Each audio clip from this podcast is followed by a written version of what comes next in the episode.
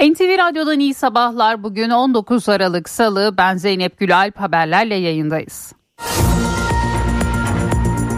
Gümüşhane 22 saat arayla iki kez sallandı. Dün 1.15'te meydana gelen 4,3'lük depremin ardından 23.23'te de 4,1 büyüklüğünde ikinci bir deprem meydana geldi. Profesör Doktor Naci Görür yaşanan depreme ilişkin depremler küçük ama Erzincan Bingöl arasında deprem beklediğimiz 7 su fayına belirli ölçüde stres yükleyebilir değerlendirmesinde bulundu.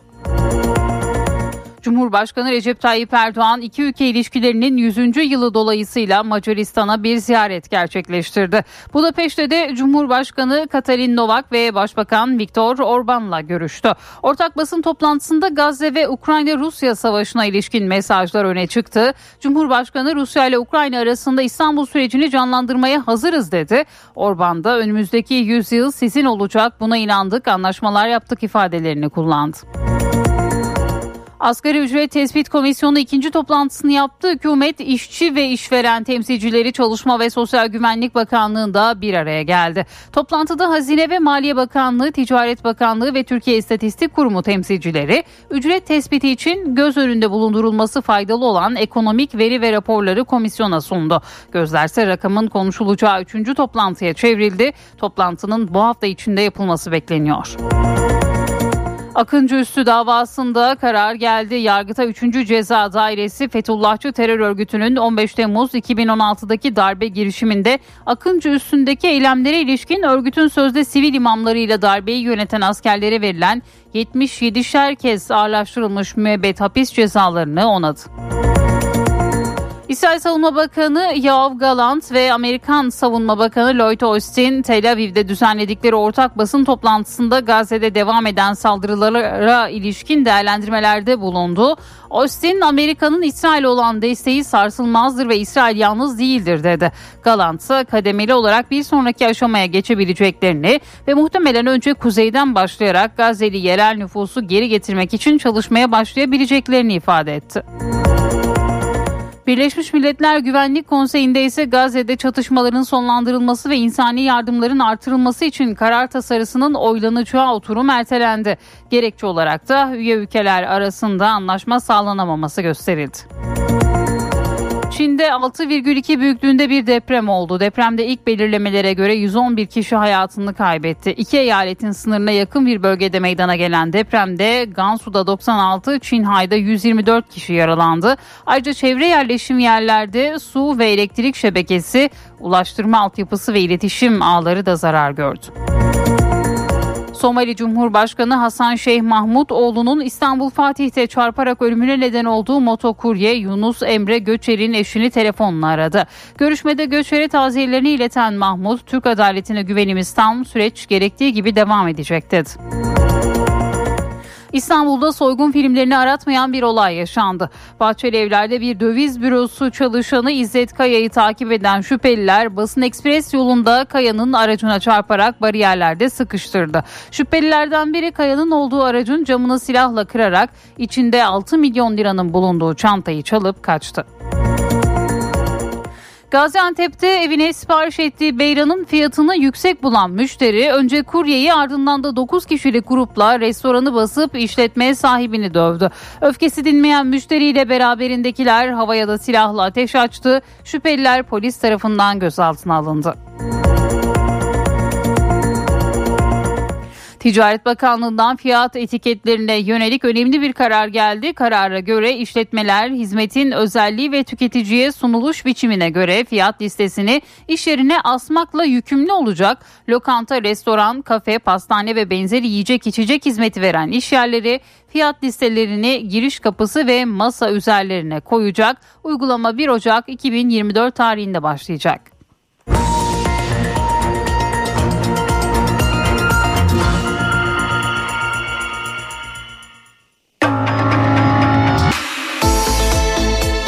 İşe giderken gazetelerin gündemi.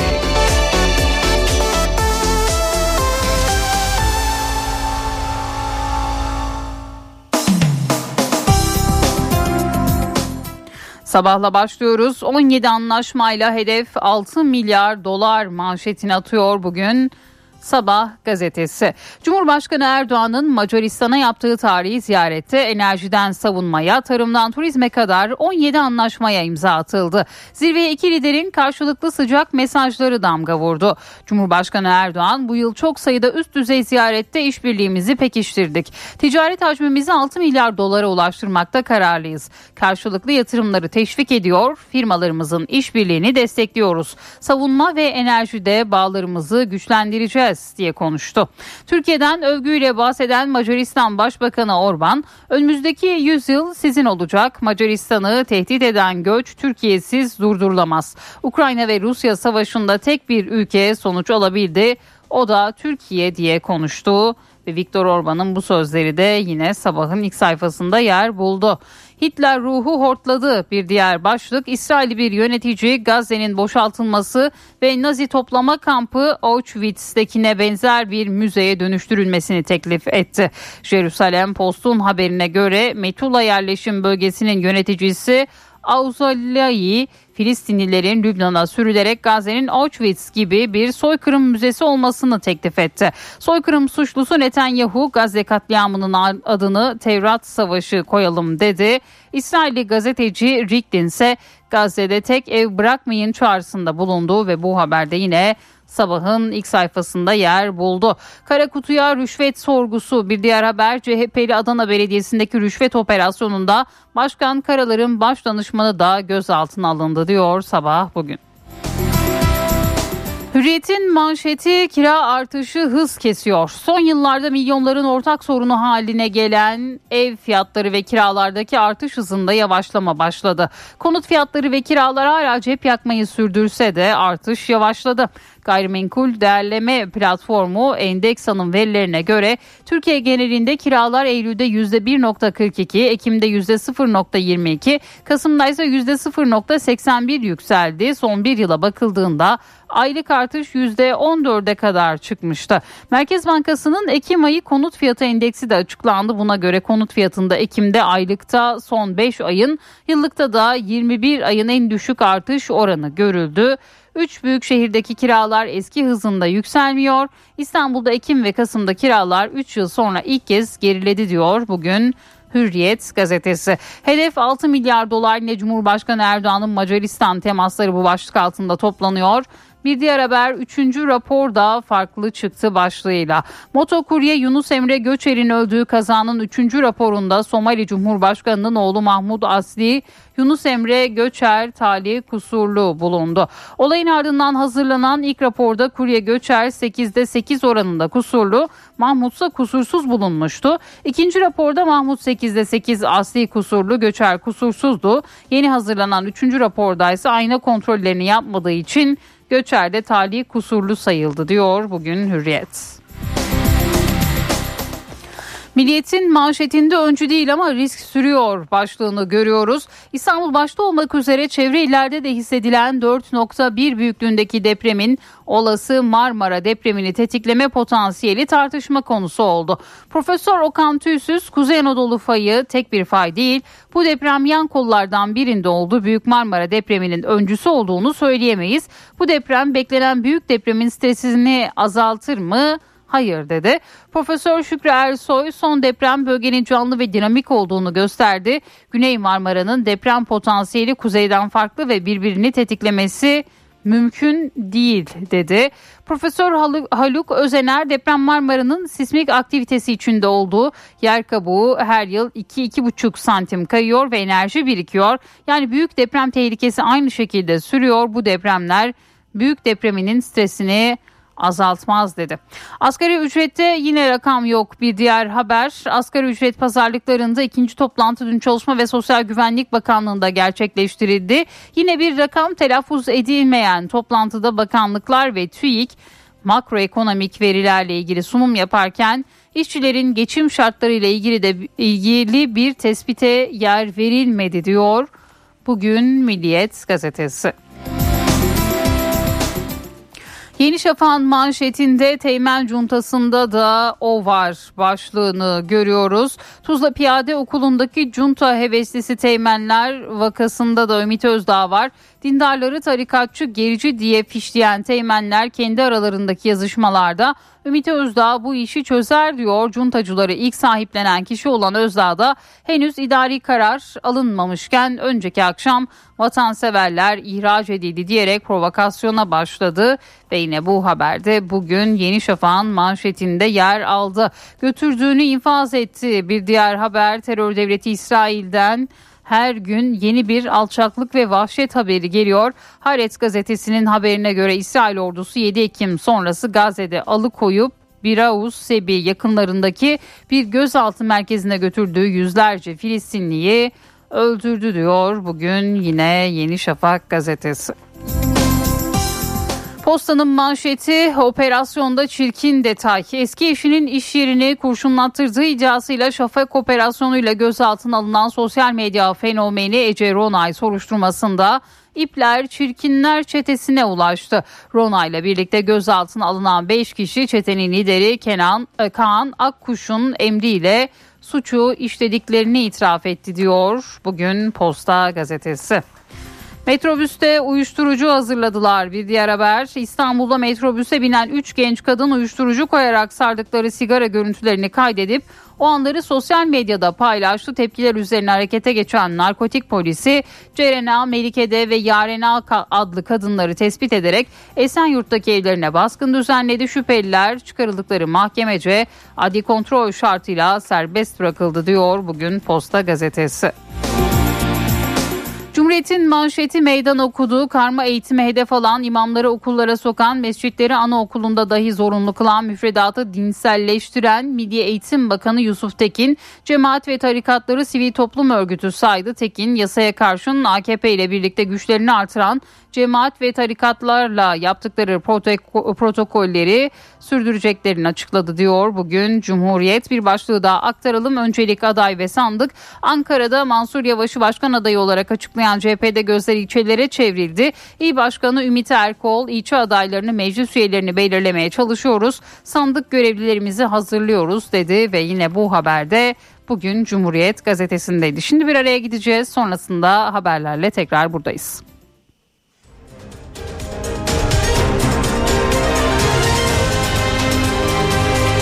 NTV Radyo Titanic Hotels köşedeki kitapçıyı sunar. Merhaba ben Adnan Bostancıoğlu. Avusturyalı yazar Vicky Baum'un Oteldekiler isimli romanı geçtiğimiz günlerde iletişim yayınlarından çıktı. Kitabı Türkçe'ye Nilay Kaya çevirmiş.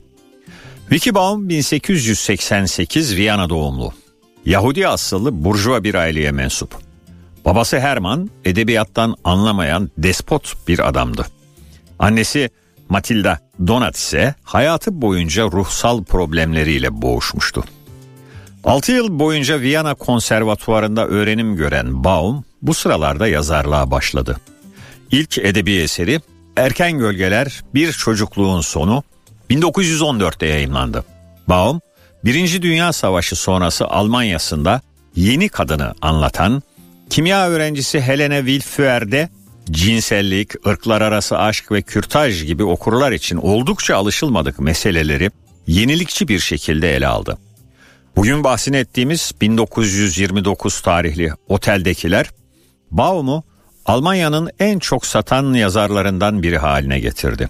Kitap çeşitli dillere çevrildi ve 1932 tarihli Grand Hotel filmine uyarlandı.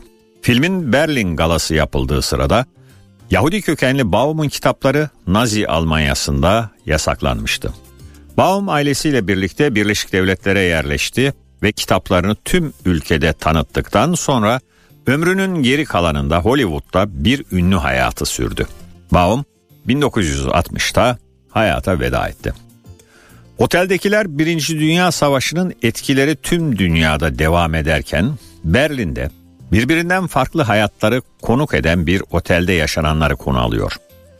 Dünya Savaşı'nda cephede yüzünün yarısını kaybetmiş, şimdi otelin lobisinde hiç gelmeyen haberleri ve ölümü bekleyen Doktor Ottenschlag, Bir zamanlar sahnelerin gözdesiyken artık şöhretini yitirmek korkusuyla yaşayan baş dansçı Grusinskaya, esrarengiz nedenlerle otele yerleşen yakışıklı baron Gaygern, aile şirketini kalkındırmak için uğraşan hayatının dönüm noktasında olduğundan habersiz Pressing ve ömrünün son günlerini her zaman kendisinden esirgenen lüks içinde geçirmeyi kafasına koymuş iyi huylu memur Kringelein. Yayınlanır yayınlanmaz ünü tüm dünyaya yayılan oteldekiler, hayallerin ve hüsranların iç içe geçtiği bir modern klasik. Herkese iyi okumalar, hoşçakalın. Titanic Hotels köşedeki kitapçıyı sundu. Yiğit Akü yol durumunu sunar. Karayolları Genel Müdürlüğü duyurdu. Havza Merzifon yolunun 22-25. kilometrelerinde ve Şanlıurfa Hilvan yolunun 4-6. kilometrelerinde yol bakım çalışmaları yapıldığından ulaşım kontrollü olarak sağlanıyor. Sürücüler dikkatli seyretmeli. Yiğit Akü yol durumunu sundu. NTV Radyo, Türkiye'nin haber radyosu.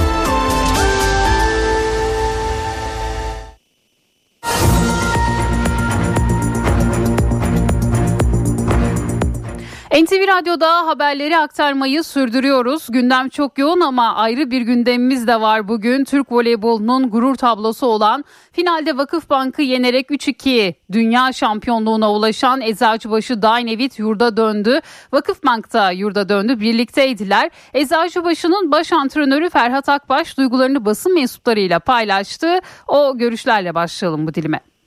Öncelikle bir Türk finali olması bizim için çok önemliydi ülke açısından. Bence e, hem ülkeyi hem e, bütün oyuncuları çok gururlandıran bir tabloydu. E, kazanan taraf biz olduk. Çok yakın bir maçtı, mücadeleci bir maçtı. E, çok mutluyuz e, kulübümüze bu ve ülkemize bu e, dünya şampiyonluğunu getirdiğimiz için. Hem oyunculara hem teknik ekibe hem yönetim kurulumuza herkese çok teşekkür ediyoruz federasyona. Hocam Eczacıbaşı Dynamit olarak bir kupa özleminiz de vardı. Bu anı, bu kupaya bir kırılma olarak görüyor musunuz kulüp olarak? Ya biz hep söylüyorduk şu camı kıracağız, camı kıracağız. Çok yakınız en sonunda kırdık. Umarım bundan sonra daha iyi günlerimiz olur. Ee, devam et devam edeceğiz aynı şekilde. Hocam bundan sonraki bu takımın hedefi ne olmaz? Şey Şampiyonlar Ligi'de. Tabii ki biz çıktığımız her maçı kazanmak için oynuyoruz. Her kupayı kazanmak için oynuyoruz. Önümüzde Şampiyonlar Ligi var, Türkiye Ligi var, Türkiye Kupası var. Bunları kazanmak için elimizden geleni yapacağız. Eczacıbaşı Dynamit bir kez daha tebrik ediyoruz ve gündemdeki diğer başlıklarla devam ediyoruz. Gümüşhane 22 saat arayla iki kez sallandı. Dün 1.15'te meydana gelen 4,3'lük depremin ardından saat 23.23'te 4,1 büyüklüğünde bir deprem daha oldu. Gümüşhane valisi Alper Tanrısever olumsuz bir ihbar almadıklarını duyurdu. Pazartesi gününe depremle başlayan Gümüşhane günün son saatlerinde bir kez daha sallandı. 4,3 ve 4,1 büyüklüğündeki depremler paniğe yol açtı. Gümüşhane'nin Kelkit ilçesine dün saat 1.15'te 4,3 büyüklüğünde deprem meydana geldi. 22 saat sonra merkez üssü yine Kelkit olan ikinci deprem oldu. Büyüklüğü 4,1 olarak ölçüldü. Sarsıntılar Kelkit'in yanı sıra Gümüşhane kent merkezi Bayburt ve Trabzon'da da hissedildi. Ahmet Ziyaüddin Gümüşhane Öğrenci Yurdu'nda büyük panik vardı. 6 Şubat merkezli deprem felaketini memleketlerinde yaşayan öğrenciler geceyi bina dışında ateş başında geçirdi. E, tabii ki e, Hatay'la burayı bir tutamam. Ama dediğim gibi tekrarını yaşadığım için ekstra bir gerginlik ve tedirginlik hala mevcut. Gümüşhane valisi Alper Tanrısever kendilerine ulaşan olumsuz bir ihbar bulunmadığını açıkladı. AFAD ekipleri kent genelinde hasar olup olmadığına yönelik kontrollerini sürdürüyor. Cumhurbaşkanı Recep Tayyip Erdoğan iki ülke ilişkilerinin 100. yılı dolayısıyla Macaristan'a bir ziyaret gerçekleştirdi. Budapeşte de Cumhurbaşkanı Katalin Novak ve Başbakan Viktor Orban'la görüştü. Ortak basın toplantısında Gazze ve Rusya-Ukrayna savaşına ilişkin mesajlar öne çıktı. Cumhurbaşkanı Rusya ile Ukrayna arasında İstanbul sürecini canlandırmaya hazırız dedi. Orban da önümüzdeki yıl önümüzdeki 100 yıl sizin olacak. Buna inandık, anlaşmalar yaptık ifadelerini kullandı. İsrail vahşetinin bir an evvel sona ermesi için tüm gücümüzle çalışıyoruz. Acil ateşkesin tesisi, ve çatışmaların yayılmasının önlenmesi için Türkiye olarak ilk günden beri yoğun diplomatik çaba harcıyoruz. Cumhurbaşkanı Recep Tayyip Erdoğan, Macaristan'ın başkenti Budapeşte'den seslendi. Filistin'de ve Ukrayna'da savaşın ve şiddetin çözüm olmadığı mesajı verdi. Rusya ile Ukrayna arasında İstanbul sürecini canlandırmaya hazırız dedi. Türkiye olarak taraflardan talep olması halinde yarım kalan İstanbul sürecini tekrar canlandırmaya hazırız. Cumhurbaşkanı Erdoğan, Budapeşte'de Macar mevkidaşı Katarin Novak tarafından resmi törenle karşılandı. Kahramanlar Meydanı'ndaki törende Erdoğan, tören kıtasını Macarca selamladı. Yanapot Hoveydek. Cumhurbaşkanı meçhul asker anıtına çelenk bıraktı. Erdoğan ve Novak, Sandor Sarayı'nın bahçesinde Neptün anıtına da hatıra parası attı. Cumhurbaşkanı Novak'la görüşmesinin ardından Karmelita Manastırı'na geçti. Macaristan Başbakanı Viktor Orban'la bir araya geldi. Macaristan Başbakanı Erdoğan'a Macar atı hediye etti. Erdoğan'ın Orban'a hediyesi ise Türkiye'nin ilk yerli otomobili TOG oldu. Oltu siyah otomobile iki ülke ilişkilerin 100. yılına özel HU-TR 100 plakası takılıydı. Orban şoför koltuğuna Erdoğan yanına oturdu. İki lider TOG'la Manastır'ın bahçesinde tur attı. Kısa turun ardından iki lider Türkiye'nin otomobiliyle fotoğraf çektirdi. Hediye takdiminin ardından ikili görüşmeye geçildi. Sonrasında Türkiye Macaristan Yüksek Düzeyli Stratejik İşbirliği Konseyi'nin 6. toplantısı yapıldı. İki ülke arasında bir dizi anlaşmaya imza atıldı. Türkiye Macaristan ilişkilerini geliştirilmiş stratejik ortaklık düzeyine yükselttik. Ötesi var mı bilmiyorum. Diplomasi de bu, dostluk ve kardeşlik açısından en güçlüsüdür. 2024 yılının ikinci yarısında Avrupa Birliği dönem başkanlığını üstlenecek Macaristan'ın birliğe tam üyeliğimize desteğini güçlü bir şekilde tekrar vurgulamasından memnuniyet duydum. Erdoğan, iki ülke arasındaki ticaret hacminin 11 ayda 4 milyar dolara ulaştığına dikkat çekti. Asgari ücret tespit komisyonunun ikinci toplantısı dün tamamlandı. Toplantıda taraflar bir rakam telaffuz etmedi. Pazarlık süreci için gözler bir sonraki randevuda. Herhangi bir rakam telaffuz edilmedi. Şu anda bir sonuç yok. Kısa zaman içerisinde bir mutabakat varılarak bitirilmesini arzu ediyoruz. Ama rakam belli olmadığından dolayı şu anda bir şey söyleme imkanımız da maalesef yok. Geçim şartları belli. Asgari ücretten çalışan insanların geçinemediği belli. Asgari ücret tespit komisyonu ikinci toplantısını yaptı. Hükümet, işçi ve işveren temsilcileri Çalışma ve Sosyal Güvenlik Bakanlığı'nda bir araya geldi. Toplantıda Hazine ve Maliye Bakanlığı, Ticaret Bakanlığı, Türkiye İstatistik Kurumu temsilcileri ücret tespiti için göz önünde bulundurulması faydalı olan ekonomik veri ve raporları komisyona sundu. Toplantı sonrası açıklama yapan Türk İş Genel Başkan Yardımcısı Ramazan Ağar, görüşmeler süratle devam edecek dedi. Mutabakat olur mu olmaz mı demenin bir anlamı da yok çünkü bir rakam ortada yok. Türk İş Genel Başkanımızla da görüşerek, hükümet yetkilileriyle de görüşerek bir sonuca gitmeyi kısa zaman içerisinde düşünüyoruz. Gözlerse rakamın konuşulacağı üçüncü toplantıya çevrildi. Toplantının bu hafta içinde yapılması bekleniyor. Yasaya göre 2024 yılı asgari ücretinin Aralık ayının sonuna kadar belirlenmesi gerekiyor. Siyasetin gündeminde yerel seçim var. Adayların belirlenmesi için mesai sürüyor. Cumhurbaşkanı Erdoğan pazar günü AK Parti'nin İstanbul adayının belirlenmesi için temayül yoklaması yaptı. Dün de AK Parti ve MHP heyetleri bir araya geldi. 30 büyük şehirde ittifak yapılmasına artık kesin gözüyle bakılıyor. AK Parti ve MHP seçim çalışmalarında sona geldi. 31 Mart 2024'te yapılacak yerel seçime az bir süre kaldı. AK Parti ve MHP ittifak görüşmelerinde en hareketli iki parti konumunda. Parti heyetleri Ankara'da 12. komisyon toplantısını tamamladı. Kulislere göre iki parti 30 büyük şehirde ittifak yapacak. Buna göre Mersin ve Manisa'da MHP adayının desteklenmesi planlanıyor. Geriye kalan 27 büyük şehirde ise MHP'nin AK Parti adaylarına destek vermesi bekleniyor. Komisyon toplantılarında İstanbul ve Ankara'da ilçelere yönelik çalışmalar da yapıldı. Kulislere göre İstanbul'da Silivri, Avcılar, Küçükçekmece ve Beşiktaş MHP'ye bırakılabilir. Ankara'da ise Etimeskut, Polatlı, Gölbaşı, Elmadağ ve Kadecik'te de MHP adayına destek verilebileceği konuşuluyor. Şu an CHP'li belediyelerin olduğu bazı inlerle DEM Parti'nin yüksek oy potansiyeli olduğu değerlendirilen bazı şehirlerde de ortak aday çıkarılması planlamalar arasında.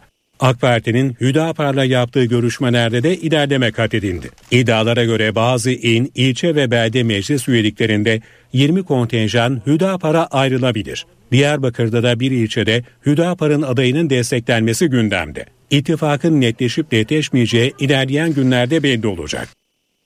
CHP'de ise gözler Adana, İzmir, Antalya gibi illerde adayın kim olacağında, İyi Parti'de ise istifa tartışmaları devam ediyor. CHP ve İyi Parti'de yerel seçimler için aday belirleme süreci devam ediyor. CHP'de bu hafta Adana, Mersin, Aydın, Eskişehir ve Hatay Büyükşehir Belediye Başkan adaylarının açıklanması bekleniyor. İzmir ve Antalya adayları ise Ocak ortalarına kalabilir. İyi Parti'de ise istifalar sürüyor. Son olarak İstanbul Büyükşehir Belediyesi İyi Parti Grup Başkan Vekili İbrahim Özkan ve 5 üyeyle Diyarbakır İl Teşkilatı'ndan bazı üyeler istifa etti. Parti sözcüsü Kürşat Zorlu'ya göre partisine yönelik bir operasyon var. Çok ciddi bir manipülatif, bir e, bütünleşik, yer yer planlı bir saldırının olduğunu ifade etmek istiyorum. Diyarbakır örneğinden başlayayım. 11.179 e, kayıtlı üyemiz var idi.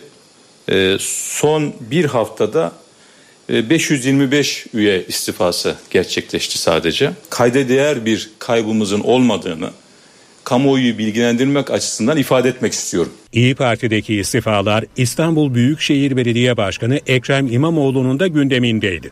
Eğer orada bir e, anlaşmazlık, bir kavga, bir gürültü varsa e, bundan üzüntü duyarım. Şu anda bende uyandırdığı tek his bu. Keşke olmasa e, keşke kendi içlerinde daha bütünlükçü bir e, yapıları olsa. İmamoğlu'na kendisine yönelik yapılan CHP eş başkanı yorumları da soruldu. Benim kulağım kötü sesleri hiç duymuyor. NTV Radyo Çin'de 6,1 büyüklüğünde bir deprem meydana geldi. Depremde en az 111 kişi hayatını kaybetti. Avrupa Akdeniz Sismoloji Merkezi'nin verilerine göre depremin merkez üssü Gansu eyaletinin Ningxia Çinguancı kenti. Sarsıntı 35 kilometre derinlikte meydana geldi. Depremden sonra binalarda hasar oluştu. En az 111 kişi hayatını kaybetti dedik. Artçı depremlerde oldu. Can kaybı sayısının artmasından endişe ediliyor. Birleşmiş Milletler Güvenlik Konseyi bugün bir kez daha Gazze gündemiyle toplanacaktı. Bu kez konu insani yardımlardı ancak anlaşma sağlanamadığı için ertelendi. Son bilgileri NTV Washington temsilcisi Hüseyin Günay aktardı. Birleşmiş Milletler İsrail ve Hamas saldırıları başladıktan sonra eğer yanılmıyorsam 12. 13. toplantısını gerçekleştiriyor ve bu toplantıdan da bir sonuç çıkmadı. Çünkü Birleşmiş Milletler Gazze'ye insani yardım götürebilecek tek organizasyon. Dünyada 193 ülke var. Bu ülkelerin hemen hemen hepsi Birleşmiş Milletler'in üyesi ve Birleşmiş Milletler askeri anlamda değil ama diplomatik anlamda dünyanın en güçlü sivil toplum kuruluşu. Ancak Gazze konusunda bir türlü bir adım atamıyorlar. Sebebi de Birleşmiş Milletler Güvenlik Konseyi ve onun yapısı. Birleşmiş Milletler Güvenlik Konseyi toplanacaktı. Üyeler bir oylama gerçekleştireceklerdi ve bu oylamada şu sorulacaktı. Gazze'ye insani yardım gönderilsin mi, gönderilmesin mi? Bu kadar basit. Yani su gönderecekler, elektrik götürecekler, petrol götürecekler, gıda götürecekler, bebek maması, temel ihtiyaçları götürecekler. Bunun ötesinde hiçbir şey önerilmeyecekti. Bunu bile gerçekleştiremedi Birleşmiş Milletler Güvenlik Konseyi. Çünkü kon, konseyin 15 üyesi var. Bu 15 üye toplandı. Toplanmaya toplandılar. Koltuklara oturmayı başardılar. Ancak kendi aralarında insani yardımın taslağı üzerinde anlaşamadılar. Birleşmiş Milletler Güvenlik Konseyi'nden bir taslağın geçebilmesi için 15 üyeden 9'unun evet demesi gerek ve 5 daimi üyenin de hayır dememesi gerek. Bugüne kadar Amerika Birleşik Devletleri ateşkes önerilerini hayır diyerek bloke ediyordu. Yani 193 ülke evet de dese sadece Amerika Birleşik Devletleri hayır dediği için Birleşmiş Milletler Güvenlik Konseyi'nden geçmiyordu. Amerika Birleşik Devletleri ateşkese hayır demesin diye ateşkesi önermediler. Daha zayıf bir metin olan insani yardımı önerdiler. Ancak bu sefer de 15 üyeden bazıları içeriği konusunda anlaşamadı. Hüseyin Günay Washington'dan aktardı. Türk vatandaşlarının uzun süredir yaşadığı Schengen vizesi sorununun çözümü için Avrupa Birliği ile görüşmeler sürüyor. Diplomatik kaynaklar bazı öncelikli grupların belirlendiğini ve gelecek yıl sürecin hızlanmasını beklediklerini aktardı. Türk vatandaşlarının Avrupa Birliği ülkeleriyle yaşadığı vize sorununun çözümü için Ankara adımlarına hız verdi. Diplomatik kaynaklar öncelikle grupların vize süreçlerinin hızlandırılması için hem AB kurumlarıyla hem de AB ülkeleriyle ikili ve çoklu düzeyde görüşmelerin sürdüğünü belirtti. Öğrenciler, akademisyenler, iş insanları, sanatçılar ve gazetecilerin öncelikli gruplar olarak belirlendiğine dikkat çeken diplomatik kaynaklar, 2024'te vize başvurularının daha hızlı sonuçlandırılması konusunda Türkiye'nin beklentisinin yüksek olduğunu belirtti. Kaynaklar bazı ülkelerin 4 haftayı bulan vize süreci 2 haftaya kadar indirdiğine de vurgu yaptı. Diplomatik kaynaklar Türkiye-AB ilişkilerine dair Avrupa Birliği Komisyonu'yla AB Dış İlişkiler ve Güvenlik Politikası Yüksek Temsilcisi Joseph Borrell tarafından hazırlanan raporun geçen hafta düzenlenen AB zirvesinde ele alınmamasına da tepki gösterdi. Türkiye-AB ilişkilerinin yeniden canlandırılmasına dönük somut önerilerin yer aldığı raporun bir sonraki zirveye bırakılmasının doğru olmadığını belirten diplomatik kaynaklar, Borel raporundaki önerilerin bir an evvel hayata geçirilmesinin Türkiye-AB ilişkilerinde önemli bir ilk adım olacağını belirtti. Tüm AB kurumlarının bu yönde hızlı harekete geçmesini bekliyoruz ifadesi kullanıldı ve Gümrük Birliği Anlaşması'nın güncellenmesi. AB yetkililerine Türkiye'nin beklentilerinin dile getirildiğini vurgulayan kaynaklar, teknik görüşmelerin ön şartsız olarak başlamasını, bunun için konseyin komisyona yetki vermesini bekliyoruz ifadelerini kullandı. Ankara gücü Çaykur Rizespor maçının sonunda saldırıya uğrayan hakem Halil Umut Meler'in Adli Tıp Kurumu raporu iddianameye girdi. Raporda yaralanmanın hafif olmadığı, yaşam fonksiyonlarını orta derecede etkilediği belirtildi. Aralarında eski Ankara gücü kulübü başkanı Faruk Koca'nın da olduğu 4 sanık 9 Ocak'ta hakim karşısına çıkacak.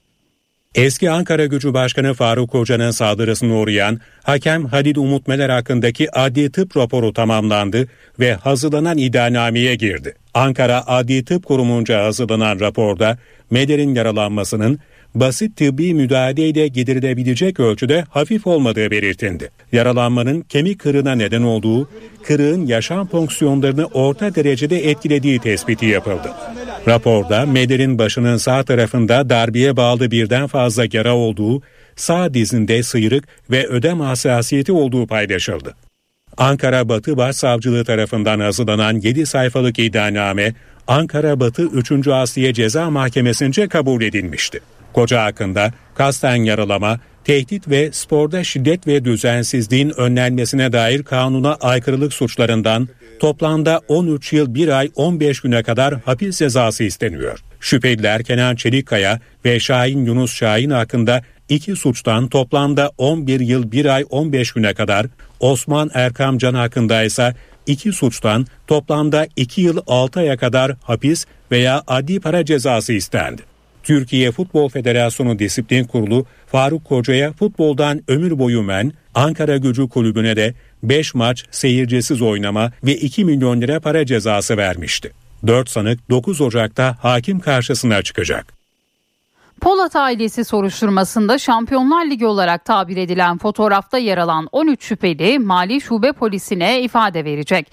Dilan Polat'la eşi Engin Polat'ın kara para aklama ve vergi kaçırma suçlamasıyla tutuklanmalarının ardından Dilan Polat'ın Şampiyonlar Ligi karesinde bulunan 13 isim soruşturmaya dahil edilmiş ve mal varlıklarına el konulmuştu. Mali Suçları Araştırma Kurulu Başkanlığı tarafından fotoğraf karesinde yer alan isimler hakkında savcılığa ivedi başlıklı bir rapor gönderildi. Savcılıkta Mali Suçlarla Mücadele Şube Müdürlüğü'ne yazı yazarak şüphelilerin gözaltı işlemi uygulanmadan ifadelerinin alınmasını talep etti. Savcılık fenomenlerin mal varlıklarına ilişkin bilgi ve belgelerin de gönderilmesini istedi. Pendik ve Gebze'de bulunan iş yerlerine motosikletli kişilerce ateş açılmasına ilişkin soruşturma sürüyor bu kapsamda. Eski eşi Mehmet Bey'in iş yerinin kurşunlanmasını azmettirdiği iddia edilen sosyal medya fenomeni Ece Ronay'ın da aralarında bulunduğu 6 kişinin sorgusu tamamlandı. 6 kişi Anadolu Adliyesi'ne sevk edildi. 3 kişi tutuklanarak cezaevine gönderilirken Ece Ronay ise adli kontrol şartıyla serbest bırakıldı.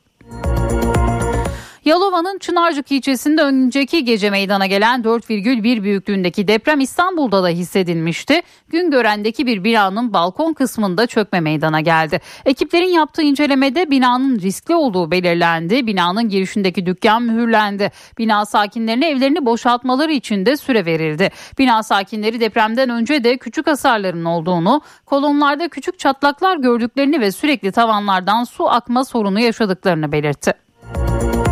Samsun'da ise bir okulda tavandaki alçının bir kısmı düştü. 7 öğrenci hafif yaralandı. Olay Canik ilçesindeki Fatih Ortaokulu'nda yaşandı. Ders sırasında tavandaki alçının bir kısmı düştü. İhbar üzerine okula sağlık ekipleri sevk edildi. Yaralanan 7 öğrenci tedaviye alındı. Sağlık durumları iyi. Antalya'da oteller yeni yıla hazırlık yapıyor. Bu yıl özellikle Avrupa ve Rusya'dan yoğun bir talep var. Yeni yıl tatilinde otel doluluklarının %80'i aşması bekleniyor. Işıklandırmalar yapılıyor, yeni yıl dekorları asılıyor. Oteller yılbaşına hazırlanıyor. Yılın son günü bu yıl pazar gününe denk geliyor. Yani haftanın ilk günüyle beraber 3 günlük bir tatil imkanı doğdu. Bu durum otel rezervasyonlarına yansıdı. Yurt dışından gelen talebin de etkisiyle Antalya'da açık otellerde doluluk oranları %80'i aştı. Yurt dışından gelen misafirlerimizi e, kendi ülkelerindeki gibi hissettirmek için biz de bir takım e, dekor çalışmaları yap, yapıyoruz. Hem otelimizi daha güzel bir şekilde renklendirmiş oluyoruz. Çok az bir iç pazar misafirimiz var. 24 Aralık Katoliklerin 6 Ocak'ta Ortodoksların Noel Bayramı. Bu nedenle Antalya'ya hem Avrupa'dan hem de Rusya'dan yoğun bir ilgi var. Özellikle konser etkinliği planı olan otellerde doluluk oranlarının %100'ü bulması bekleniyor. Özellikle 15 Aralık'tan e, 15 Ocağı kadar ciddi bir yoğunluk yaşıyoruz. Biliyorsunuz bölgedeki otellerin birçoğu zaten kapandı. Ee, az miktarda bir oteller açık şu anda. Ve onlar da şu anda yurt dışından gelen turistlerimiz e, yeterince e, doldurabiliyor. Rezervasyonlarımıza çok az yerimiz kaldı bölgede. Ee, zaten görmüşsünüzdür her yer ışıl ışıl. Şimdiden e, ciddi bir yılbaşı süslemesi hazırlığı yapılıyor. İçerikleri ve geleneksel e, anları yaşatmamız gerekecek. Muğla'nın Bodrum ilçesinde de yeni yıl meydanlarda yapılacak konserler ve etkinliklerle kutlanacak. Bodrum Otelciler Derneği Başkanı Ömer Faruk Dengiz otellerdeki doluluk oranının %40'ın üzerinde olduğunu bildirdi.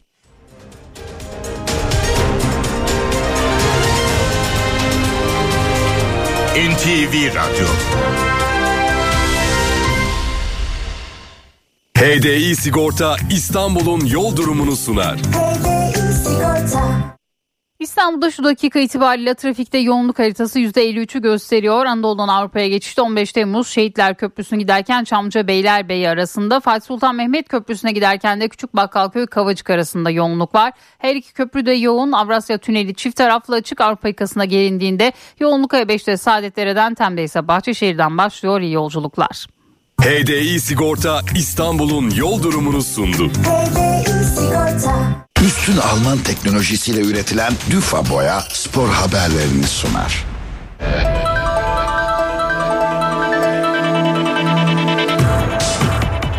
Türk voleybolunun gurur tablosu olan finalde Vakıfbank'ı 3-2 yenerek dünya şampiyonluğuna ulaşan Eczacıbaşı Dynavit ve ikincilik kupasının sahibi Vakıfbank sabah saatlerinde yurda döndü. İki takım da Çin'den aynı uçakla geldi.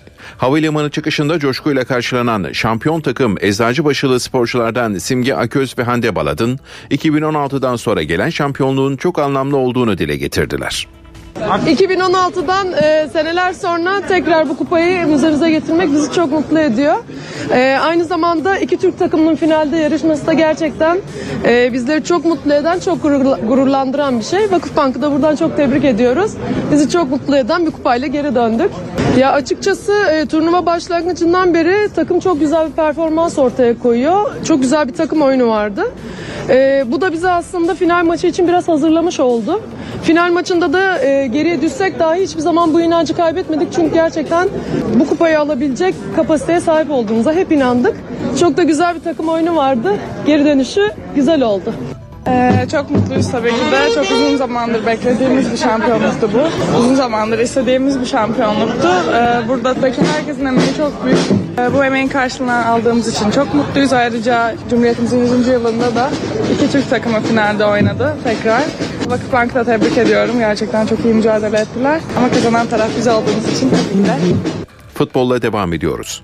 Galatasaray'ın UEFA Avrupa Ligi playoff turundaki rakibi belli oldu. Sarı Kırmızılılar Çekya ekibi Sparta Prag'la eşleşti.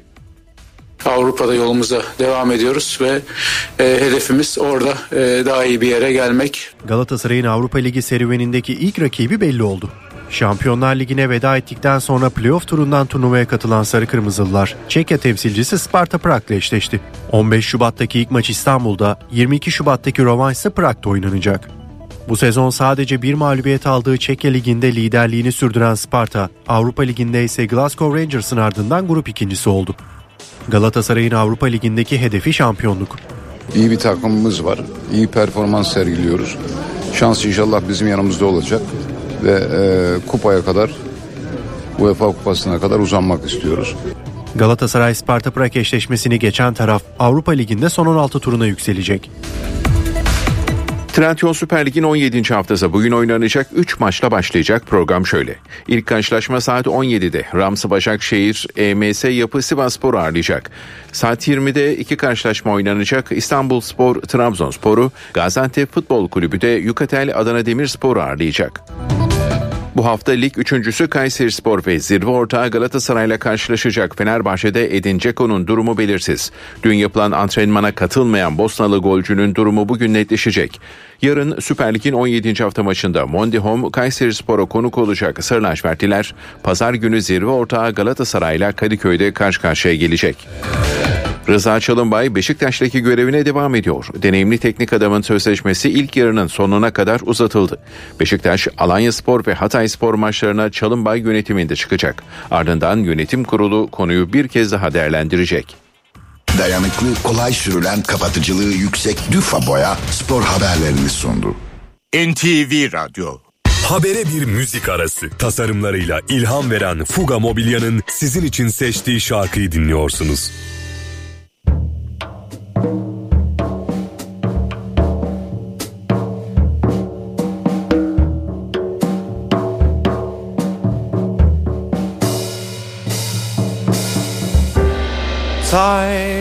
lakered, clad girls on a grey arch shift.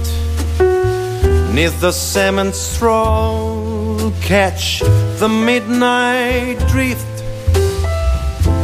Seeger chewing Charlie in that newspaper nest.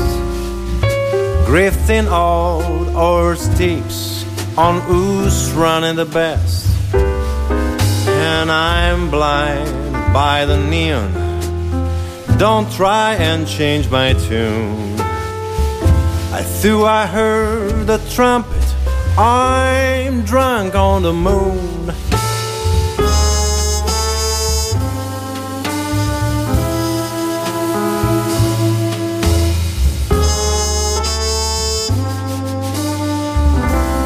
And the moon's a silver sleeper, whispering champagne stars. Broadway's lie a serpent puling. Fuga Mobilya'nın seçtiği şarkıyı dinlediniz. Saat 8 Türkiye ve Dünya gündeminde bu saate kadar neler olduğuna bir haber turuyla bakacağız.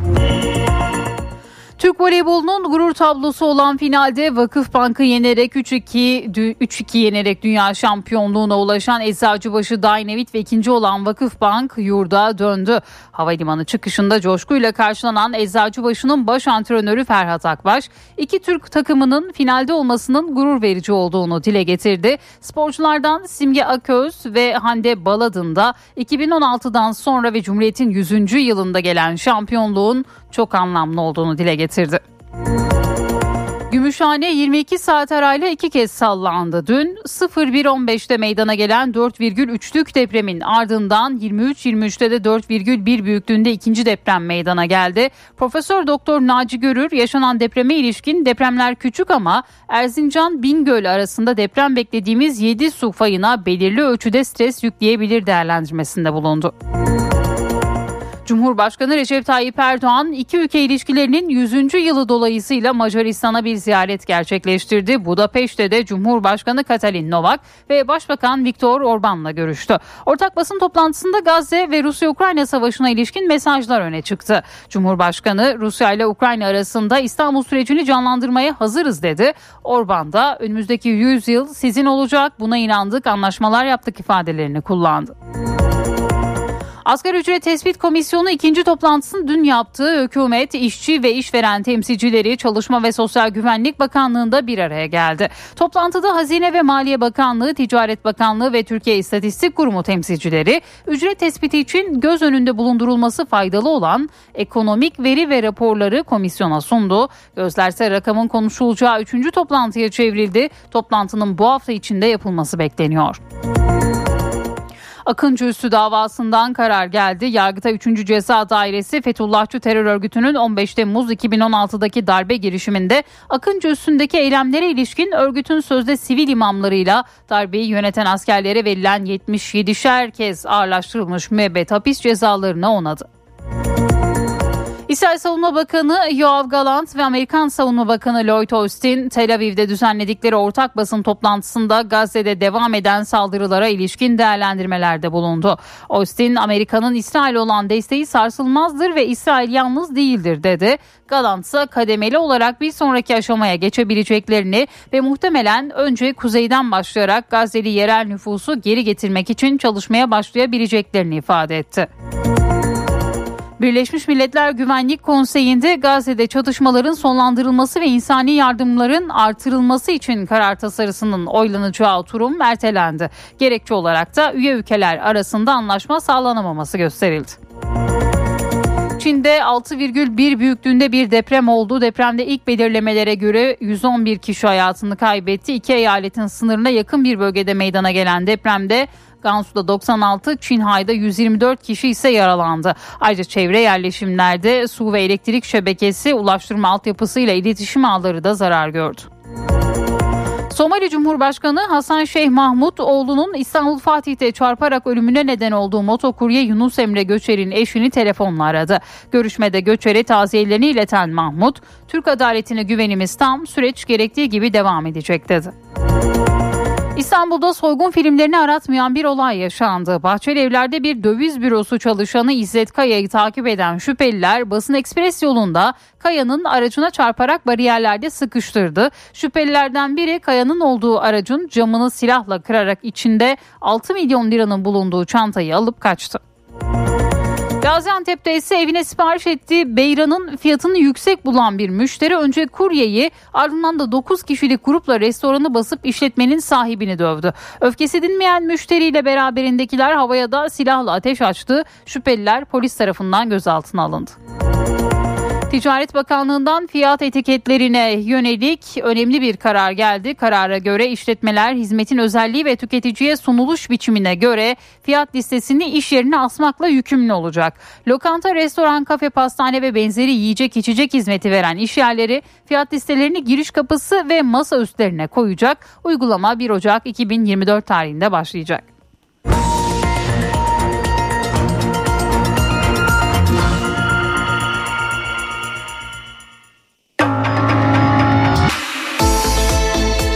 İşe giderken gazetelerin gündemi.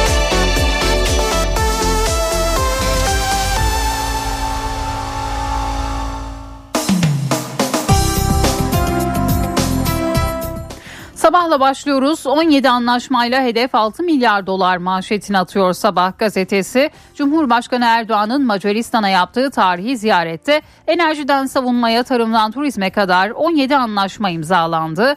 Zirveye iki liderin karşılıklı sıcak mesajları damga vurdu. Erdoğan bu yıl çok sayıda üst düzey ziyaretle işbirliğimizi pekiştirdik. Ticaret hacmimizi 6 milyar dolara ulaştırmakta kararlıyız. Karşılıklı yatırımları teşvik ediyor, firmalarımızı işbirliğini destekliyoruz. Savunma ve sanayide savunma ve enerjide bağlarımızı güçlendireceğiz dedi Cumhurbaşkanı Erdoğan.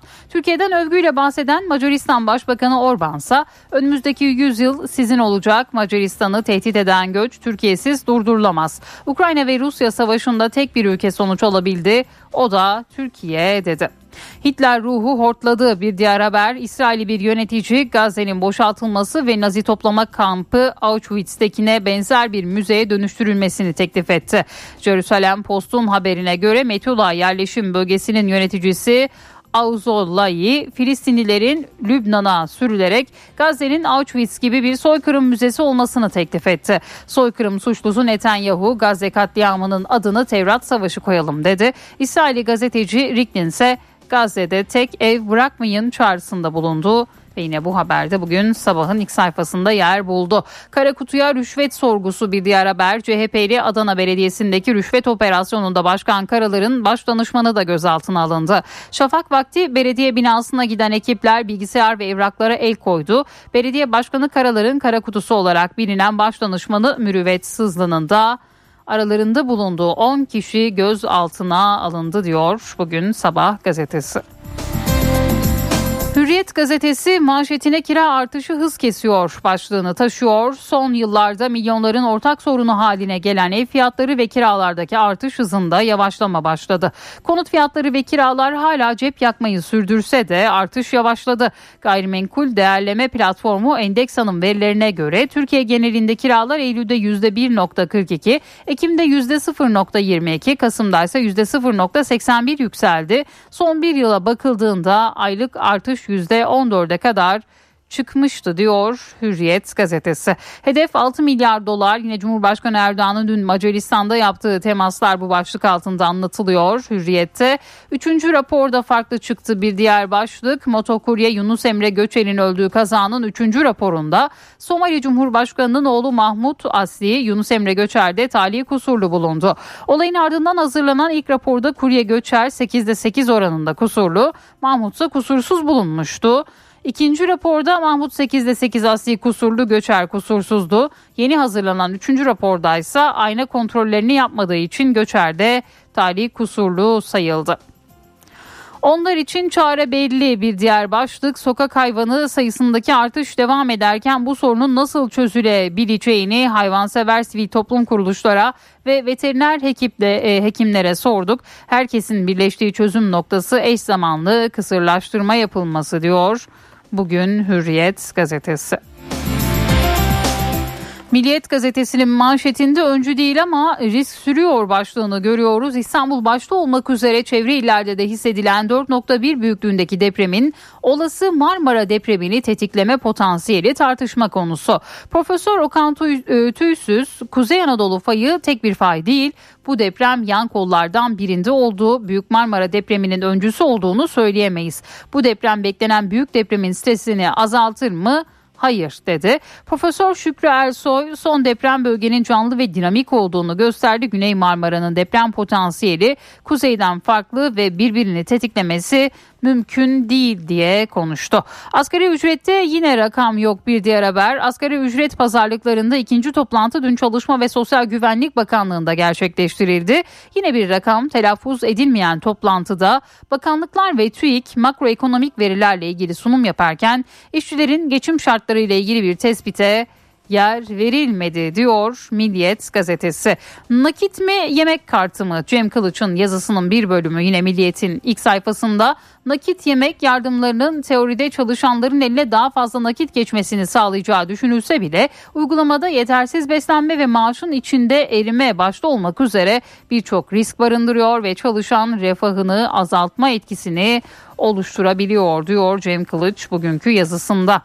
Azı da çoğu da mikrop. Eve ayakkabıyla girilir mi başlığı yine Milliyet'in ilk sayfasında. Hemen onu da aktaralım. Eve ayakkabıyla girmenin hastalığa neden olan bakterileri eve taşımak anlamına geldiğini belirten uzmanlar tam evden çıkarken bir şey unuttum diyerek birkaç saniyeliğine de olsa ayakkabıyla girmek de sonucu değiştirmiyor diyor bugün Milliyet gazetesi.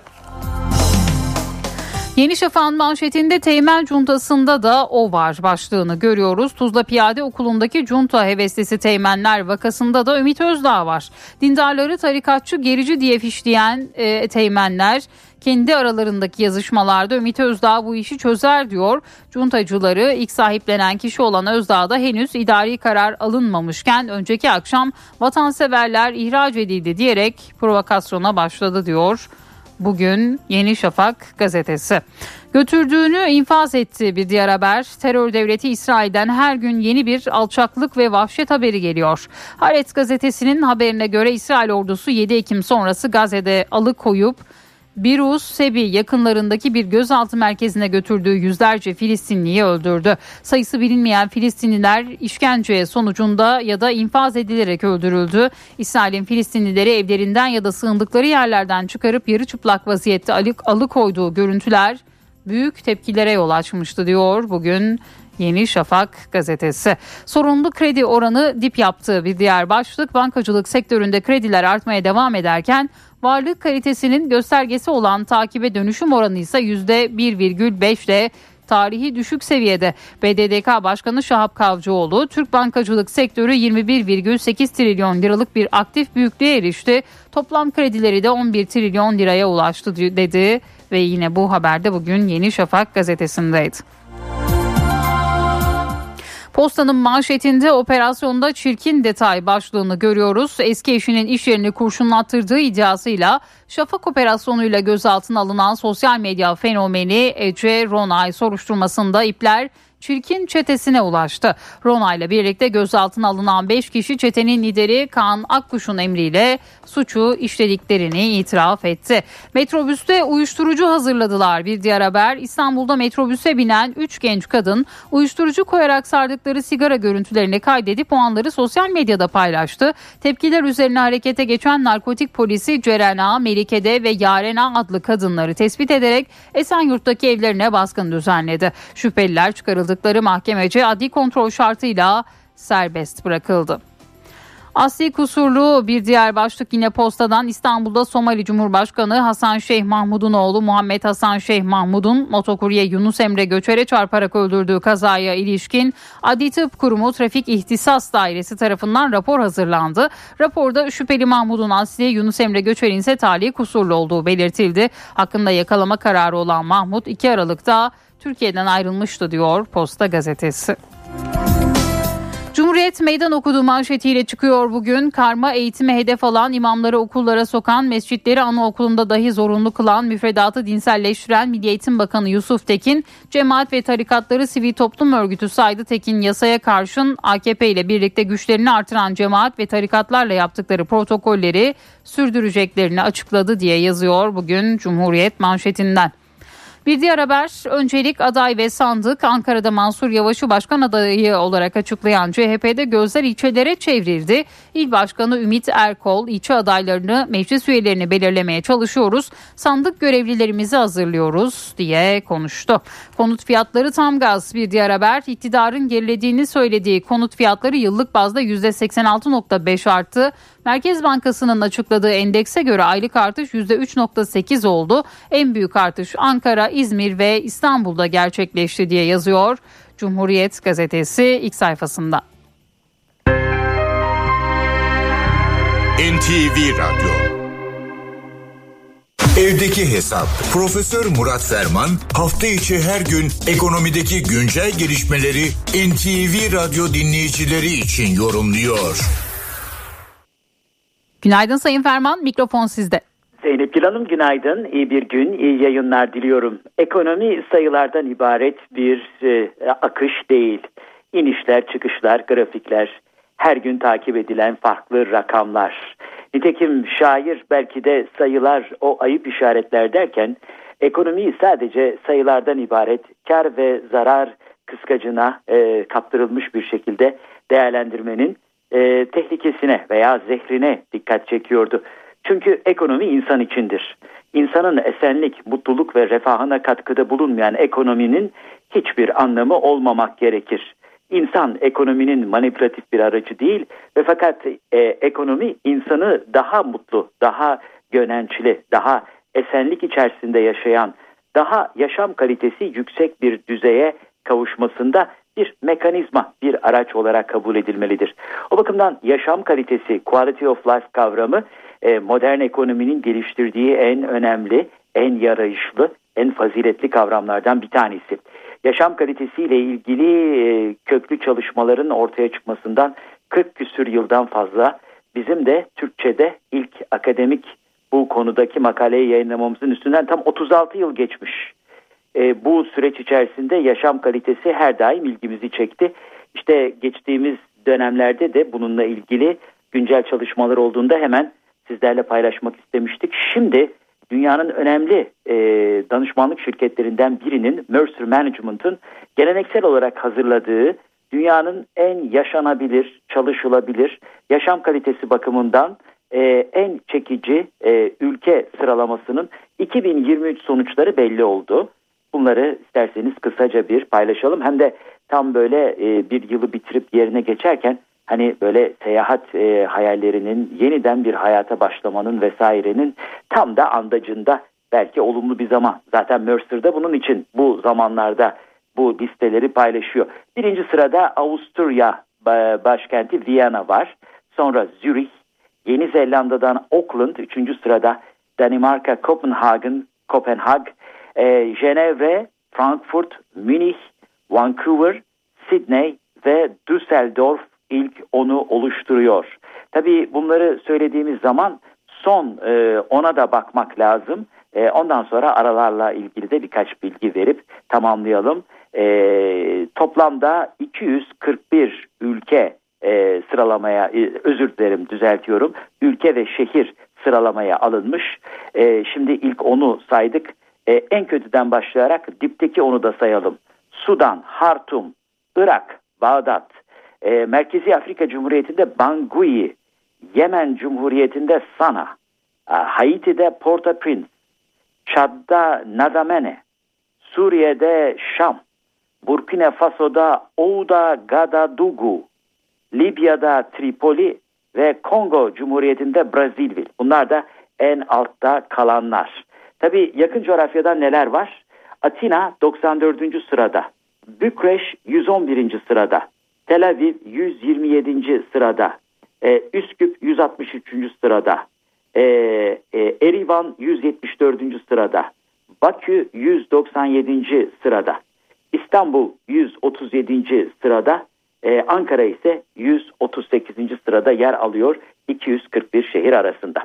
Ee, hatırlanacağı üzere geçtiğimiz yaz aylarında da gene bu yaşam kalitesi sıralaması yapan önemli mevkutelerden biri Monocle dergisinin e, bütün şehirleri değerlendirdiği yaşam kalitesi skalasını sizle paylaşmıştık. Onu da hatırlatarak tamamlayalım. Orada da birinci sırada Viyana, ikinci sırada Kopenhag, üçüncü sırada Münih, dördüncü sırada Zürih, beşinci sırada Stockholm, takiben Tokyo, Helsinki, Madrid, Lisbon ve dahi Melbourne yer alıyordu. E, listede ortak isimler dikkat çekiyor. Evet, yaşam kalitesi dünyanın değişik yerlerinde farklı ölçeklerde ortaya çıkıyor. Ama nerede yaşarsanız, nerede katma değer üretirseniz üretin, önemli olan yaşam kaliteniz güzel ve diğerlerine göre daha üst düzeyde olsun. Bu genel bilgi paylaşımı çerçevesinde değerli dinleyenlerimize katma değeri yüksek ve yüksek katma değerli bir gün diliyor. Huzurlarınızdan hürmetlerle ayrılıyorum. Profesör Murat Ferman'la evdeki hesap sona erdi. Kaçırdığınız bölümleri www.ntvradio.com.tr adresinden dinleyebilirsiniz. Dünya markası Bras çatı sistemleri finans bültenini sunar.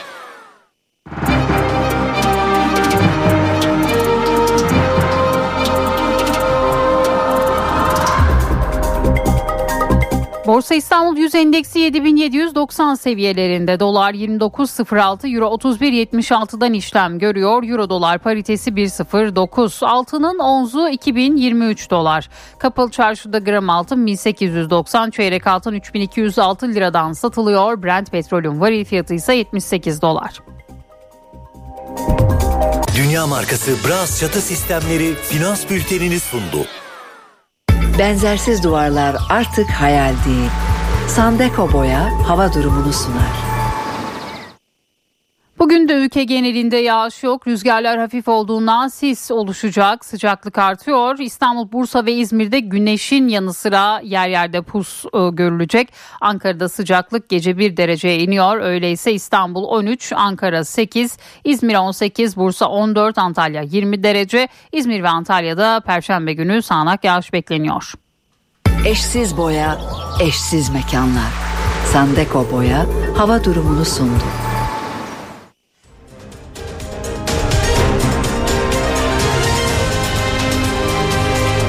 NTV Radyo.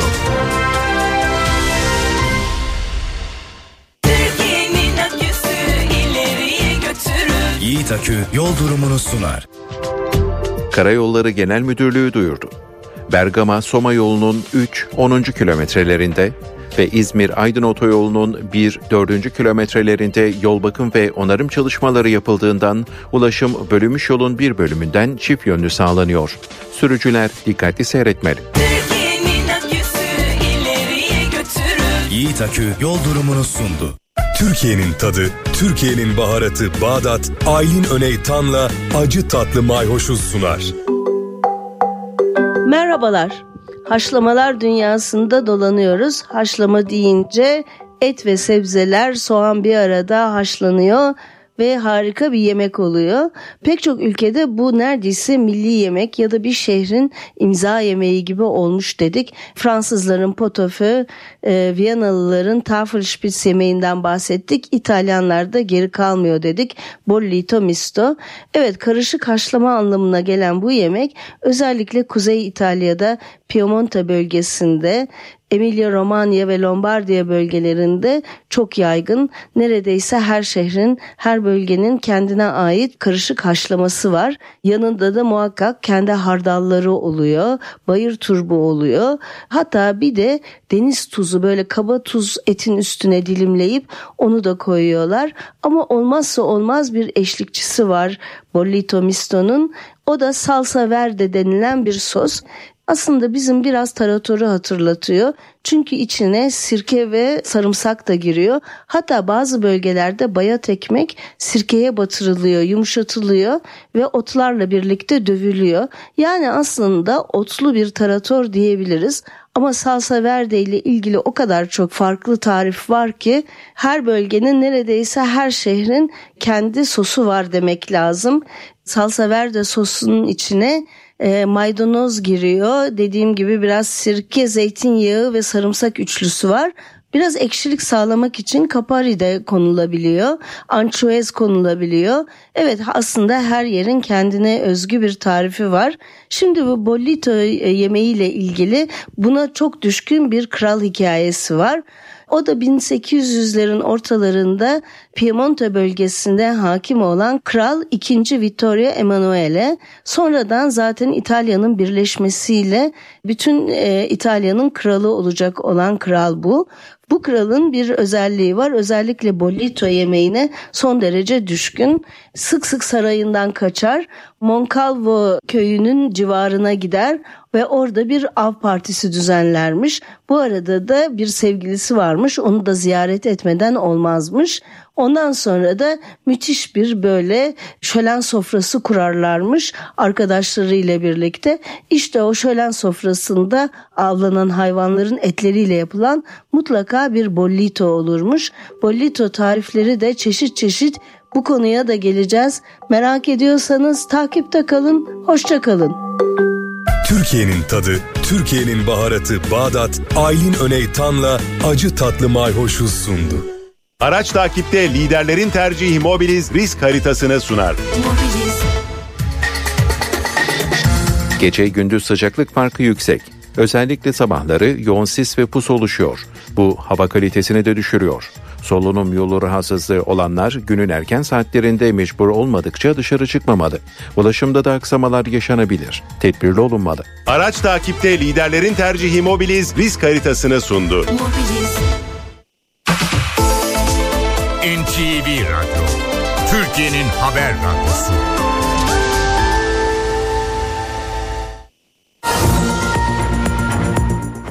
NTV Radyo'da haberleri aktarmayı sürdürüyoruz. Türk voleybolunun gurur tablosu olan finalde Vakıf Bank'ı 3-2 yenerek dünya şampiyonluğuna ulaşan Eczacıbaşı Dynavit ve ikinci olan Vakıf Bank yurda döndü. Havalimanı çıkışında coşkuyla karşılanan Eczacıbaşı'nın baş antrenörü Ferhat Akbaş ve sporculardan Simge Aköz'le Hande Balad'ın duygularını basın mensuplarıyla paylaştı. Öncelikle bir Türk finali olması bizim için çok önemliydi ülke açısından. Bence e, hem ülkeyi hem e, bütün oyuncuları çok gururlandıran bir tabloydu. E, kazanan taraf biz olduk. Çok yakın bir maçtı, mücadeleci bir maçtı. E, çok mutluyuz e, kulübümüze bu ve ülkemize bu e, dünya şampiyonluğunu getirdiğimiz için. Hem oyunculara hem teknik ekibe hem yönetim kurulumuza herkese çok teşekkür ediyoruz federasyona. 2016'dan e, seneler sonra tekrar bu kupayı müzemize getirmek bizi çok mutlu ediyor. E, aynı zamanda iki Türk takımının finalde yarışması da gerçekten e, bizleri çok mutlu eden, çok gurur- gururlandıran bir şey. Vakıfbank'ı da buradan çok tebrik ediyoruz. Bizi çok mutlu eden bir kupayla geri döndük. Ya açıkçası e, turnuva başlangıcından beri takım çok güzel bir performans ortaya koyuyor. Çok güzel bir takım oyunu vardı. E, bu da bizi aslında final maçı için biraz hazırlamış oldu. Final maçında da e, geriye düşsek dahi hiçbir zaman bu inancı kaybetmedik. Çünkü gerçekten bu kupayı alabilecek kapasiteye sahip olduğumuza hep inandık. Çok da güzel bir takım oyunu vardı. Geri dönüşü güzel oldu. Ee, çok mutluyuz tabii ki de. Çok uzun zamandır beklediğimiz bir şampiyonluktu bu. Uzun zamandır istediğimiz bir şampiyonluktu. Ee, buradaki herkesin emeği çok büyük. Ee, bu emeğin karşılığını aldığımız için çok mutluyuz. Ayrıca Cumhuriyetimizin 100. yılında da iki Türk takımı finalde oynadı tekrar. Vakıfbank'ı da tebrik ediyorum. Gerçekten çok iyi mücadele ettiler. Cumhurbaşkanı Recep Tayyip Erdoğan iki ülke ilişkilerinin 100. yılı dolayısıyla Macaristan'a bir ziyaret gerçekleştirdi. Budapeşte de Cumhurbaşkanı Katalin Novak ve Başbakan Viktor Orban'la görüştü. Ortak basın toplantısında Gazze ve Rusya-Ukrayna savaşına ilişkin mesajlar öne çıktı. İsrail vahşetinin bir an evvel sona ermesi için tüm gücümüzle çalışıyoruz. Acil ateşkesin tesisi ve çatışmaların yayılmasının önlenmesi için Türkiye olarak ilk günden beri yoğun diplomatik çaba harcıyoruz. Cumhurbaşkanı Recep Tayyip Erdoğan Macaristan'ın başkenti Budapeşte'den seslendi. Filistin'de ve Ukrayna'da savaşın ve şiddetin çözüm olmadığı mesajı verdi. Rusya ile Ukrayna arasında İstanbul sürecini canlandırmaya hazırız dedi. Türkiye olarak taraflardan talep olması halinde yarım kalan İstanbul sürecini tekrar canlandırmaya hazırız. Cumhurbaşkanı Erdoğan, Budapeşte'de Macar mevkidaşı Katalin Novak tarafından resmi törenle karşılandı. Kahramanlar Meydanı'ndaki törende Erdoğan, tören kıtasını Macarca selamladı. Ja napot, hovedik. Cumhurbaşkanı meçhul asker anıtına çelenk bıraktı. Erdoğan ve Novak, Sandor Sarayı'nın bahçesinde Neptün anıtına da hatıra parası attı. Cumhurbaşkanı Novak'la görüşmesinin ardından Karmelita Manastırı'na geçti. Macaristan Başbakanı Viktor Orban'la bir araya geldi. Macaristan Başbakanı Erdoğan'a Macar atı hediye etti. Erdoğan'ın Orban'a hediyesi ise Türkiye'nin ilk yerli otomobili TOG oldu. Oltu siyah otomobile iki ülke ilişkilerin 100. yılına özel HU-TR 100 plakası takılıydı. Orban şoför koltuğuna Erdoğan yanına oturdu. İki lider TOG'la Manastır'ın bahçesinde tur attı. Kısa turun ardından iki lider Türkiye'nin otomobiliyle fotoğraf çektirdi. Hediye takdiminin ardından ikili görüşmeye geçildi. Sonrasında Türkiye Macaristan Yüksek Düzeyli Stratejik İşbirliği Konseyi'nin 6. toplantısı yapıldı. İki ülke arasında bir dizi anlaşmaya imza atıldı. Türkiye-Macaristan ilişkilerini geliştirilmiş stratejik ortaklık düzeyine yükselttik. Ötesi var mı bilmiyorum. Diplomaside bu, dostluk ve kardeşlik açısından en güçlüsüdür. 2024 yılının ikinci yarısında Avrupa Birliği dönem başkanlığını üstlenecek Macaristan'ın birliğe tam üyeliğimize desteğini güçlü bir şekilde tekrar vurgulamasından memnuniyet duydum. Erdoğan, iki ülke arasındaki ticaret hacminin 11 ayda 4 milyar dolara ulaştığına dikkat çekti. Dün gözler bir taraftan da Ankara'da asgari ücret görüşmelerindeydi. Asgari ücret tespit komisyonunun ikinci toplantısı tamamlandı. Toplantıda taraflar bir rakam telaffuz etmedi. Pazarlık süreci için gözler bir sonraki randevuya çevrildi. Herhangi bir rakam telaffuz edilmedi.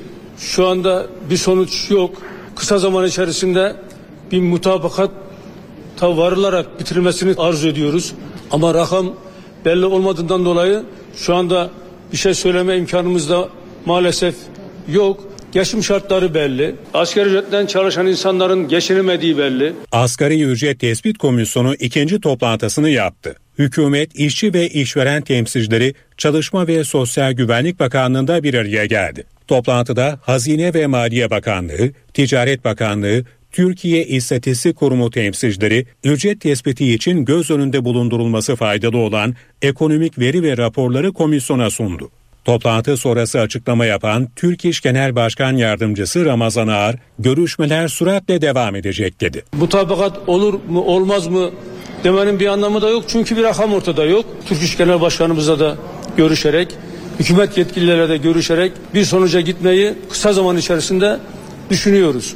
Gözlerse rakamın konuşulacağı üçüncü toplantıya çevrildi. Toplantının bu hafta içinde yapılması bekleniyor. Yasaya göre 2024 yılı asgari ücretinin Aralık ayının sonuna kadar belirlenmesi gerekiyor. Mecliste bütçe maratonu sürüyor. Son olarak Genel Kurulda Tarım ve Orman Bakanlığı ile Ulaştırma ve Altyapı Bakanlığı bütçeleri kabul edildi. Genel Kurulda Tarım ve Orman Bakanı İbrahim Yumaklı ile Ulaştırma ve Altyapı Bakanı Abdülkadir Uraloğlu sunum yaptı.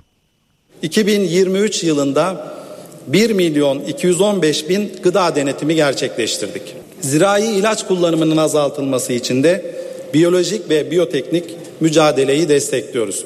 Bu kapsamda 2023 yılı desteklerini %100 artırdık. Tarım ve Orman Bakanı İbrahim Yumaklı, gıda denetimleri ve sağlıklı gıda üretimine yönelik atılan adımlar hakkında bilgi verdi. Bakanlığının bütçe görüşmelerinde konuşan Bakan Yumaklı, tarımsal ve hayvansal gıda üretimine yönelik çalışmalara da değindi. Ata tohumlarının kullanılmasını yaygınlaştıracağız. Büyükbaş hayvancılıkta verimliliği, küçükbaş hayvancılıkta ise verimlilikle birlikte sayıyı artıracağız. Hayvancılık üretim bölgeleri oluşturacağız. Tarladan sofraya tedarik zincirini kısaltmak amacıyla da kent tarımı uygulamalarını yaygınlaştıracağız. Bakan Yumaklı 2024 yılında 1422'si mühendis, 5736'sı veteriner, büro ve destek personeliyle tarım işçisi toplam 7158 personel alımı yapılacağını da söyledi. Bütçe görüşmelerinde konuşan Ulaştırma ve Altyapı Bakanı Abdülkadir Uraloğlu ise yeni dönemde hayata geçirilecek projelere değindi özellikle İstanbul'a yönelik projelere dikkat çekti. Kuzey Marmara Otoyolu'nu Filyos Tüneli ile Sarıyer'e bağlayacağız ve olası bir afet durumunda burası kaçış noktası olacak. İstanbul'da tam 5 tane kent içi raylı sistemin 3 tanesini hemen birkaç ay içerisinde bitirip hizmete açacağız inşallah. Yavuz Sultan Selim geçişini raylı sistemle geçeceğiz inşallah. Tabiha Gökçen Havalimanı'nın ikinci pistini bitirdik. Önümüzdeki günlerde açıyoruz inşallah. Ticaret Bakanlığı'ndan fiyat etiketlerine yönelik önemli bir karar geldi. Fiyat etiketi yönetmeliğinde değişiklik öngören düzenleme resmi gazetede yayımlandı. Buna göre işletmeler hizmetin özelliği ve tüketiciye sunuluş biçimine göre fiyat listelerini iş yerlerine asacak. Lokanta, restoran, kafe, pastane ve benzeri yiyecek içecek hizmeti veren işletmelerse fiyat listelerini giriş kapısı ve masa üzerine koyacak. Uygulama 1 Ocak 2024'ten itibaren başlayacak.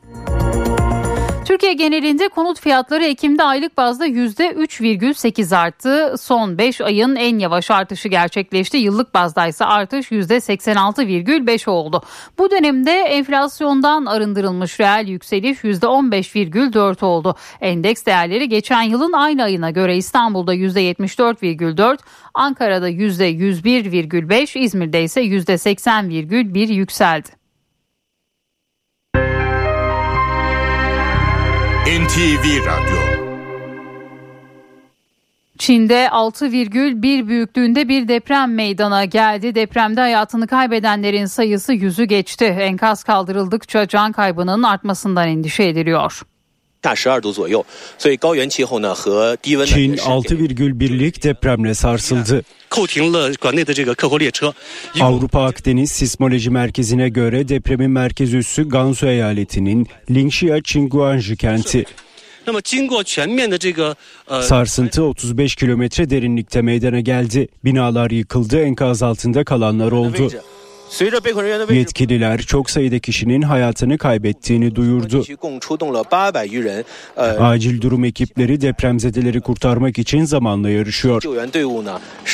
Yetkililerin endişe ettiği bir diğer konuda eksi 10'a kadar düşen hava sıcaklığı. Ekipler depremzedelerin soğuk havadan etkilenmemesi için yoğun çaba verdi. Depremden sonra su, elektrik, ulaşım ve iletişim hatlarında kesintiler oldu. Depremin meydana geldiği bölge Himalaya dağlarının uzantısındaki geniş fay hattı üzerinde yer alıyor. Mısır'da Abdülfettah Sisi 3. kez Cumhurbaşkanı seçildi. Mısır'da 10 Aralık'ta başlayan ve 3 gün süren Cumhurbaşkanlığı seçiminin sonuçları Mısır Ulusal Seçim Otoritesi tarafından açıklandı. Seçime katılım oranının %66'nın üzerinde olduğu ilan edildi. Mısır Cumhurbaşkanı Sisi'nin oyların %89'undan fazlasını alarak seçimi kazandığı bildirildi. Sisi 2013'te ülkenin demokratik yollardan seçilmiş ilk Cumhurbaşkanı Muhammed Mursi'nin devrildiği darbeyle iktidara gelmişti. İktidardaki 3. dönemine giren Sisi 2014 ve 2018'de %97 gibi rekor oy oranlarıyla Cumhurbaşkanı seçilmişti. Sisi'nin görev süresi 2030'da sona erecek. İstanbul Bahçeli Evler'de döviz bü- bürosu çalışanının aracına çarpan soyguncular aracı bariyerlere sıkıştırdı. Camlarını silahla kırdıkları araçtaki 6 milyon lirayı gasp eden 4 soyguncu kaçtı.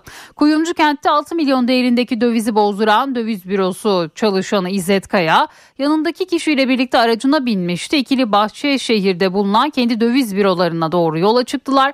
O sırada kendilerini takip eden başka bir araç Basın Ekspres yan yol üzerinde otomobillerine çarparak bariyerlere sıkıştırdı. Araçtan inen 4 kişiden biri paranın bulunduğu aracın camlarına elindeki silahla vurarak kırdı. İçinde 6 milyon lira bulunan çantayı alan soyguncular kaçtı.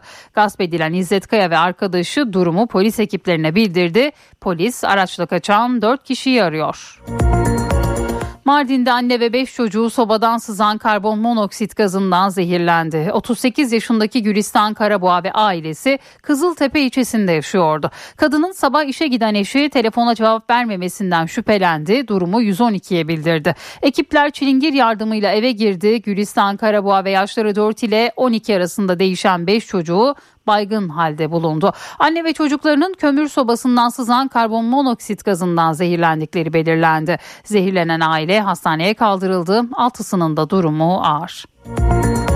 Türkiye'de toplumun yarısı hayatının bir döneminde uyku sorunu yaşıyor. Her 100 kişiden 5'inde ise uykusuzluk hastalığı var. Konu Antalya'daki Ulusal Nöroloji Kongresi'nde gündemdeydi. Uzmanlara göre uyku problemlerinin en önemli nedenlerinden biri aşırı sosyal medya kullanımı.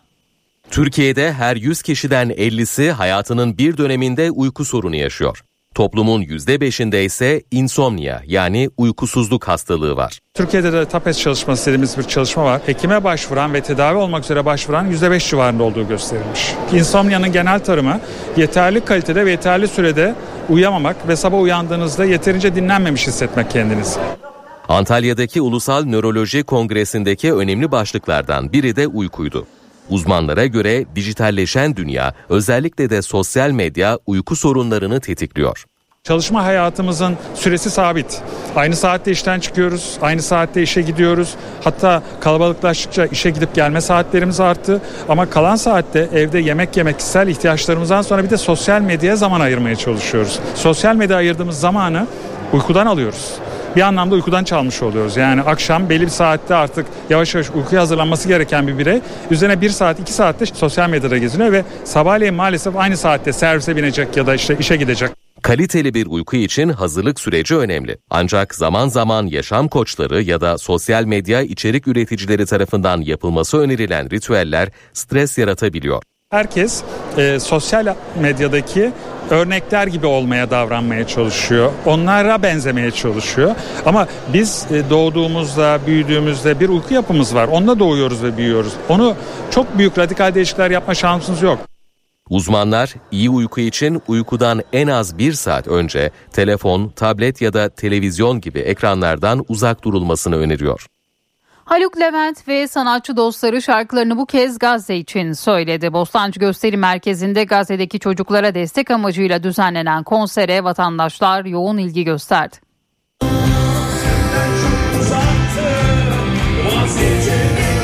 Haluk Levent, Bülent Ortaçgil, Derya Köroğlu, Ceylan Ertem. Şarkılar bu kez Gazze'ye destek için söylendi.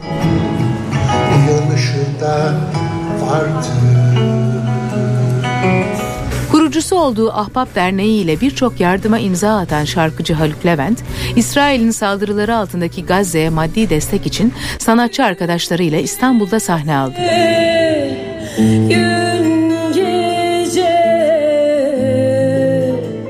Geldiğim en kalabalık konser Bostancı Gösteri Merkezi'ndeki neden? Çünkü bu kadar kalabalığın bir iki katı kadar abicim biz bilet aldık ama gelmiyoruz diyenlerle mesajlarla dolu çok e, yani beni çok onurlandıran bir şey oldu. Onlar burada olmasalar da onların adına teşekkür ediyorum. Sağ olsunlar. Bostancı Gösteri Merkezi'nde düzenlenen Gazze Destek Konseri Levent'in şarkılarıyla başladı. Sanatçı, Arapça yazdığı Filistin parçasını da Gazze'de yaşamını yitiren çocukların anısını okudu. Bu Arap, nasılsınız diyorum kardeşlerim, ablalarım, canlarım. Biliyorum, sürekli baref ne, çok iyi değilsiniz. Yani bunu e, Arapça haline çevirip söylemiştim yıllar önce. Tabii e, bizler tekrar ediyoruz. Tüm mazlumların yanında olmasak insan olduğumuzu hatırlayamayız.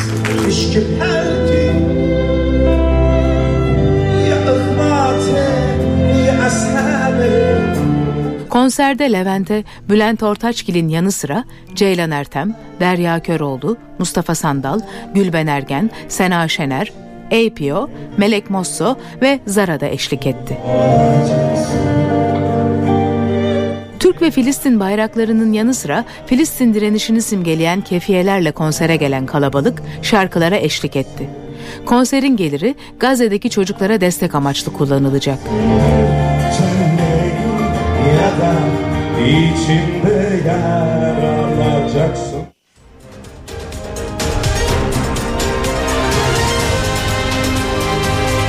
NTV Radyo HDI Sigorta İstanbul'un yol durumunu sunar. HDI Sigorta İstanbul'da şu dakika itibariyle trafikte yoğunluk haritası %63'ü gösteriyor. Anadolu'dan Avrupa'ya geçişte 15 Temmuz Şehitler Köprüsü'ne giderken Çamca Beylerbeyi arasında, Fatih Sultan Mehmet Köprüsü'ne giderken de Küçük Bakkalköy Kavacık arasında oldukça yoğun bir trafik gözleniyor. Her iki köprüde de yoğunluk var. Avrasya Tüneli ise çift taraflı açık Avrupa yakasına gelindiğinde yoğunluk A5'te avcılardan Tem'de ise Esenyurt'tan başlıyor. İyi yolculuklar. HDI Sigorta İstanbul'un yol durumunu sundu. HDI Sigorta